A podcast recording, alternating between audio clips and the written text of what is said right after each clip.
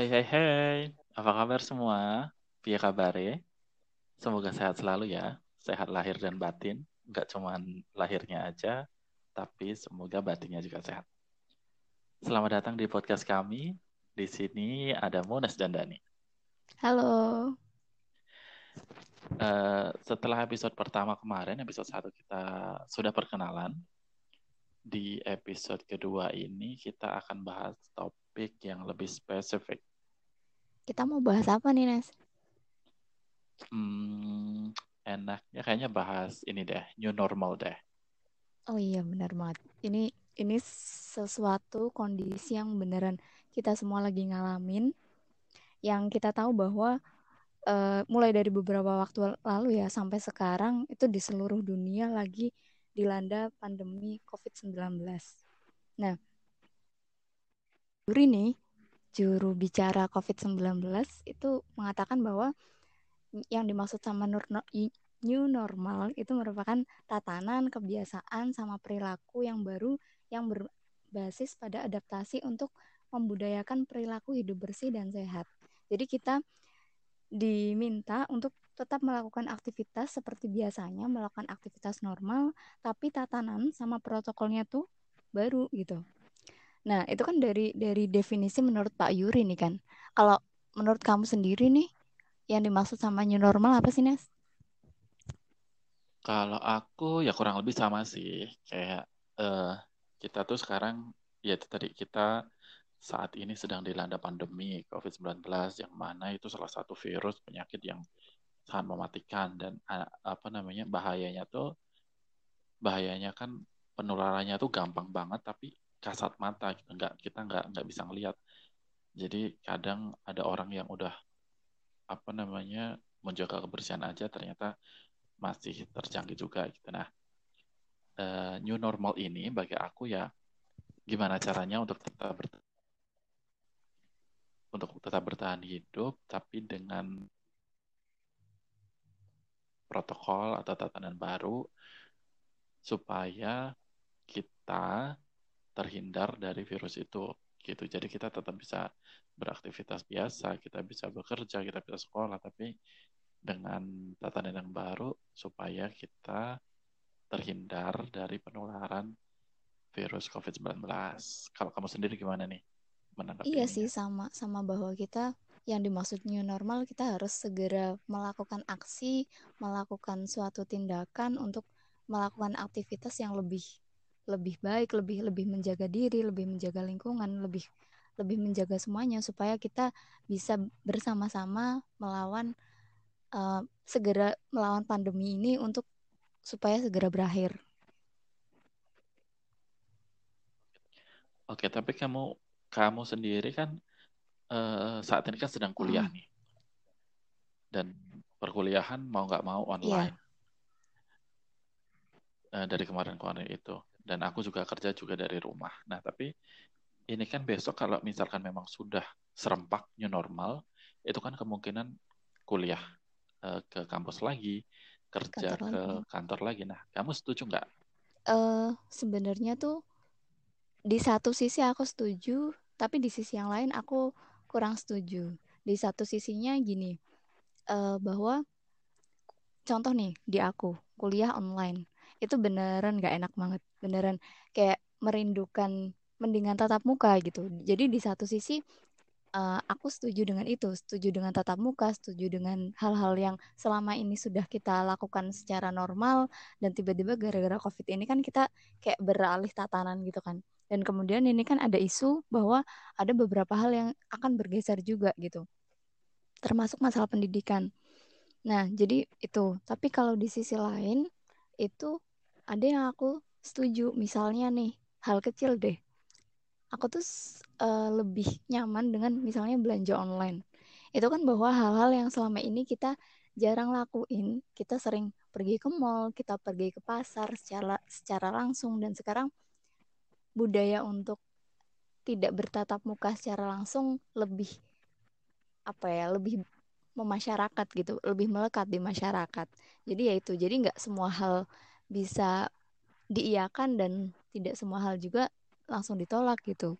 Nah kalau kamu nih Nes, secara kerja yang selama ini apa namanya ya harus datang ke kantor terus kemudian sekarang WFH gitu dan selanjutnya dengan adanya new normal kan akan bergeser juga. Kamu gimana nanggepinnya?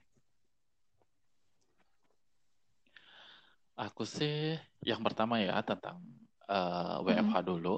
Sejak pertengahan Maret kemarin itu kan dari kantor untungnya uh, langsung ya apa ya melakukan hal preventif supaya karyawannya tidak ada yang terjangkit itu kan langsung semuanya pokoknya work from home dan bagusnya lagi kita dibekali sama device sama alat-alat yang menunjang untuk kerja kita dari laptop apa segala macam bahkan untuk misalkan kalau kamu mau bawa pulang kursi pun boleh gitu. boleh gitu uh -uh.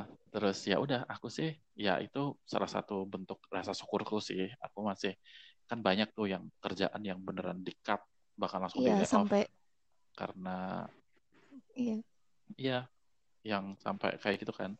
Nah aku masih beruntung banget gak di lay off masih bisa bekerja dari rumah. Nah tapi struggle-nya adalah kan biasanya tuh di kantor kan seru kan tiap hari ketemu teman, ketemu rekan kerja, ketemu atasan, ketemu rekan-rekan yang lain gitu. Tapi saat kerja di rumah tuh kok langsung semuanya kan serba sendiri gitu. Bosen sih. Pas awal-awal sih oke. Okay. Tapi kok tapi kok bosen juga ya gitu. Jadi kayak apa ya secara mental tuh belum siap sebenarnya untuk work from home gitu dan tapi saat ini setelah akan adanya new normal ini, ya sedikit banyak uh, bingung juga sih kayak oke okay, mungkin aku akan segera kembali ke kantor, akan segera kembali bekerja bersama rekan-rekan, sama teman-teman gitu, bisa tatap muka, bisa kumpul gitu. Cuman di lain sisi juga takut juga kalau misalkan ha udah harus bekerja secara normal lagi karena uh, kita kan nggak tahu ya latar belakang rekan-rekan kerjaku kayak dari apa, mana gitu. gitu. Mereka kesehariannya, iya kesehariannya gimana, mereka tinggalnya di mana dan uh, kayak kita kan nggak bisa menjamin apakah ini benar-benar aman apa enggak gitu. Nah, ya semoga saja nanti ketika new normal ini, ketika aku kembali ke kantor, semoga semuanya itu bisa menjalankan uh, pola new normal ini dengan baik, dengan mungkin tetap menjaga jarak, tetap rajin cuci tangan, tetap ya menjaga kesehatan lah, kesehatan dan kebersihan gitu. Tapi efektif nggak sih pola hidup new normal nah, ini itu. di kayak masyarakat secara umum gitu? Uh, aku sih kayaknya sebenarnya sih Nah, efektifnya tuh dilihat dari sudut pandang mana dulu nih. Nah, gitu. Misalkan da, di, dilihat dari sudut pandang kesehatan harusnya efektif karena uh, new normal ini kan tetap kita meng, harus mengindahkan protokol-protokol kesehatan yang kayak tadi yang kayak social distancing, terus kayak rajin cuci tangan dan ya pokoknya menjaga kebersihan gitu. Tapi di sisi lain kayaknya orang-orangnya sih yang bandel kayaknya karena aku juga juga bandel kayak let's say kita tuh apa ngobrol itu kan kalau nggak deket-deketan mm. gitu orang kadang aja kita bisik-bisik gitu kan nggak nggak mungkin juga gitu makanya mungkin kalau efektif tuh secara kesehatan harusnya efektif. Kalau misalkan memang semua menjalankan. Tapi kayaknya sih besok eh, kenyataannya nggak tahu ya. Kenyataannya susah sih diimplementasikan untuk benar-benar menjalankan new normal ini. Kalau kamu gimana? Iya, sama. Susah. Karena kita lagi ngurusin ibarat pemerintah tuh kayak lagi ngurusin or orang banyak gitu kan, se-Indonesia gitu. Peraturannya istilahnya satu. Nah, sedangkan polanya masyarakat juga beda-beda, bahkan per daerah itu beda-beda. Kemarin kan yang baru rame ada berita yang mengungkapkan bahwa Jawa Timur itu 70 persennya itu tidak menggunakan masker. Jadi ya gimana gitu. Pemerintah udah ngasih aturan, aparat udah kayak ya kurang apa kayak gitu kan tapi masyarakat ya gimana kayak gitu kan terus kayak kemarin juga aku tuh sempet uh, ada hal-hal yang bikin aku tuh bolak-balik Jogja kan. Jadi lewat Prambanan terus lewat Wates juga di situ kan ada pengecekan apa namanya keluar masuk luar kota. Jadi pas awal nah iya, pas bener. awal tuh ketat. Jadi beneran polisi terus di stopin tuh apa mobil motor kayak gitu. Uh, dua minggu kemudian masih lah tapi habis maghrib udah nggak ada. Nah lama-lama udah udah nggak ketat. Itu dari dari segi uh, aturannya sendiri dari segi apa namanya pemerintahnya sendiri apalagi kita gitu kan. Disuruh jaga jarak ya gimana? Disuruh apalagi suruh ke pasar suruh ke mall ya gimana? Rame-rame kayak gitu. Tuh jadi uh, menurutku kurang efektif sih. Jadi dikembalikan pada diri kita. Kalau pengen efektif ya harusnya kitanya kayak gitu. Ya benar-benar. Soalnya aku sendiri ya, aku sendiri tuh ngerasa ya bayangin aja udah tiga bulan ini kerja dari rumah ya kan? Aku untungnya sih masih apa ya masih sempat curi-curi waktu untuk ke mana-mana hmm. sendiri gitu. Untungnya sih untungnya tuh untungnya aku sebelum alhamdulillah sebelum pandemi ini kan aku ke mana-mana udah terbiasa sendiri. Ke toko buku sendiri makan sendiri nonton sendiri ke mall sendiri gitu. Nah kalau cuman untuk jaga jarak sih kalau aku ya kalau aku pribadi sih it's okay. Nggak masalah pakai masker juga sudah lumayan terbiasa pakai masker gitu. Nah cuman tuh orang lain ini nih kayak teman-temanku dan yang lain ketika ketemu kan nggak mungkin kan kita jauh-jauhan. Kita apa namanya ngobrol kan nggak seru juga kan kalau jaraknya let's say 2 meter gitu. Iya. Ya itu sih yang yang menjadi tantangan mungkin besok uh, di era new normal ini. Dan lagi kita tuh kadang kangen hal-hal yang emang nggak bisa di apa ya, yang feelnya tuh nggak bisa dilakuin sekarang. Kayak misalnya bioskop nih kan katanya mau udah mau buka new normal gitu kan. Tapi kan dikasih jarak. Jadi bayangin aja kalau semisal kita datang berdua, terus habis itu atau rame-rame deh, rame-rame sama teman yang kita udah tahu bahwa kita semua sehat, kita semua aman.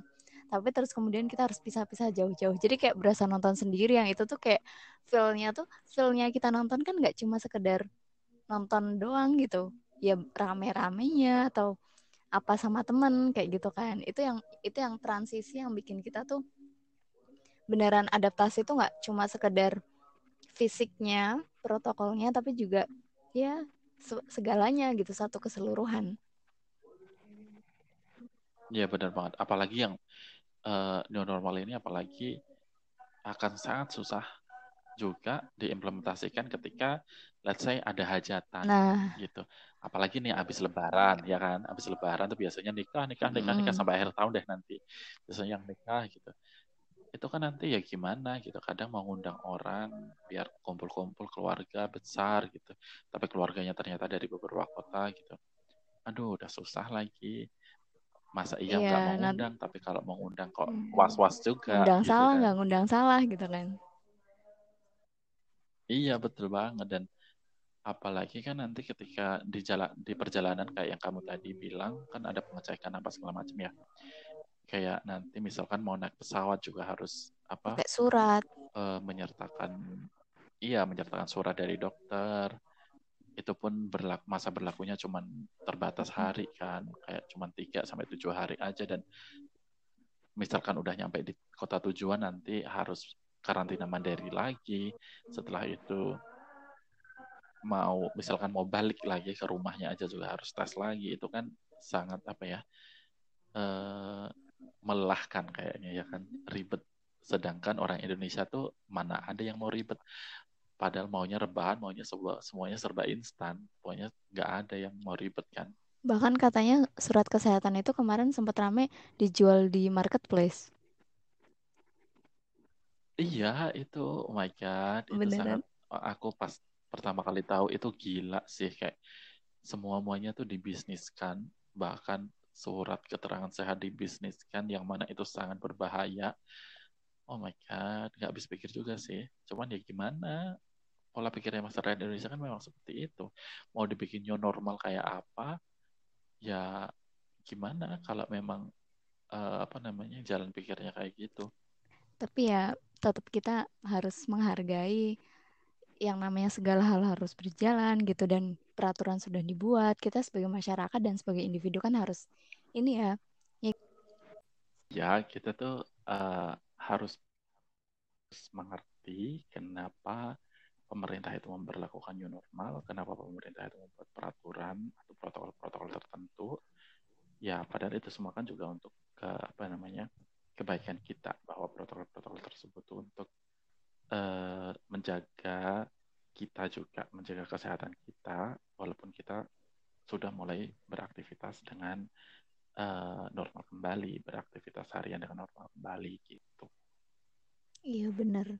Nah kalau semisal ditanya nih terakhir, kalau disuruh milih antara menjalankan new normal sekarang dengan protokol-protokol sesuai aturan supaya segalanya bisa berjalan, tapi resikonya bahwa nanti virusnya itu kayak nggak hilang-hilang atau ya udah di lockdown aja, kita di rumah aja, tapi begitu virusnya 100% hilang, ya udah kita normalnya juga 100%. Itu kalau disuruh milih dua itu mending yang mana?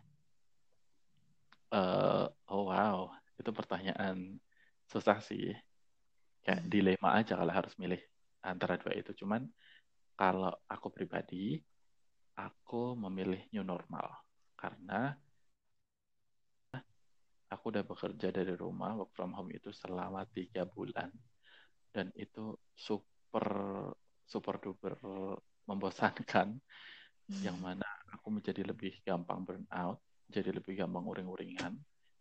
Ya karena simply karena nggak ketemu orang, nggak ngobrol sama orang. Ya walaupun kita ada ada grup WhatsApp apa grup di channel like gitu, cuman kan tetap nggak bisa apa ya, nggak bisa sub, mensubstitute, nggak bisa me, menggantikan kalau kita tatap muka, kalau kita bercandanya hmm. secara langsung, gitu sih. Jadi ya bercanda virtual gitu. beda gitu ya beda beda. Rasanya tetap beda feelnya tetap beda. Jadi ya itu sih kalau aku setuju untuk new normal. Begitu guys. Uh, pembahasan uh, pembahasanku sama Dani tentang new normal. Uh, semoga bisa memberikan insight dari hasil sharing kita kali ini. Dan nantikan topik-topik selanjutnya yang akan kita bahas di episode selanjutnya. Dadah. Dadah. Bye.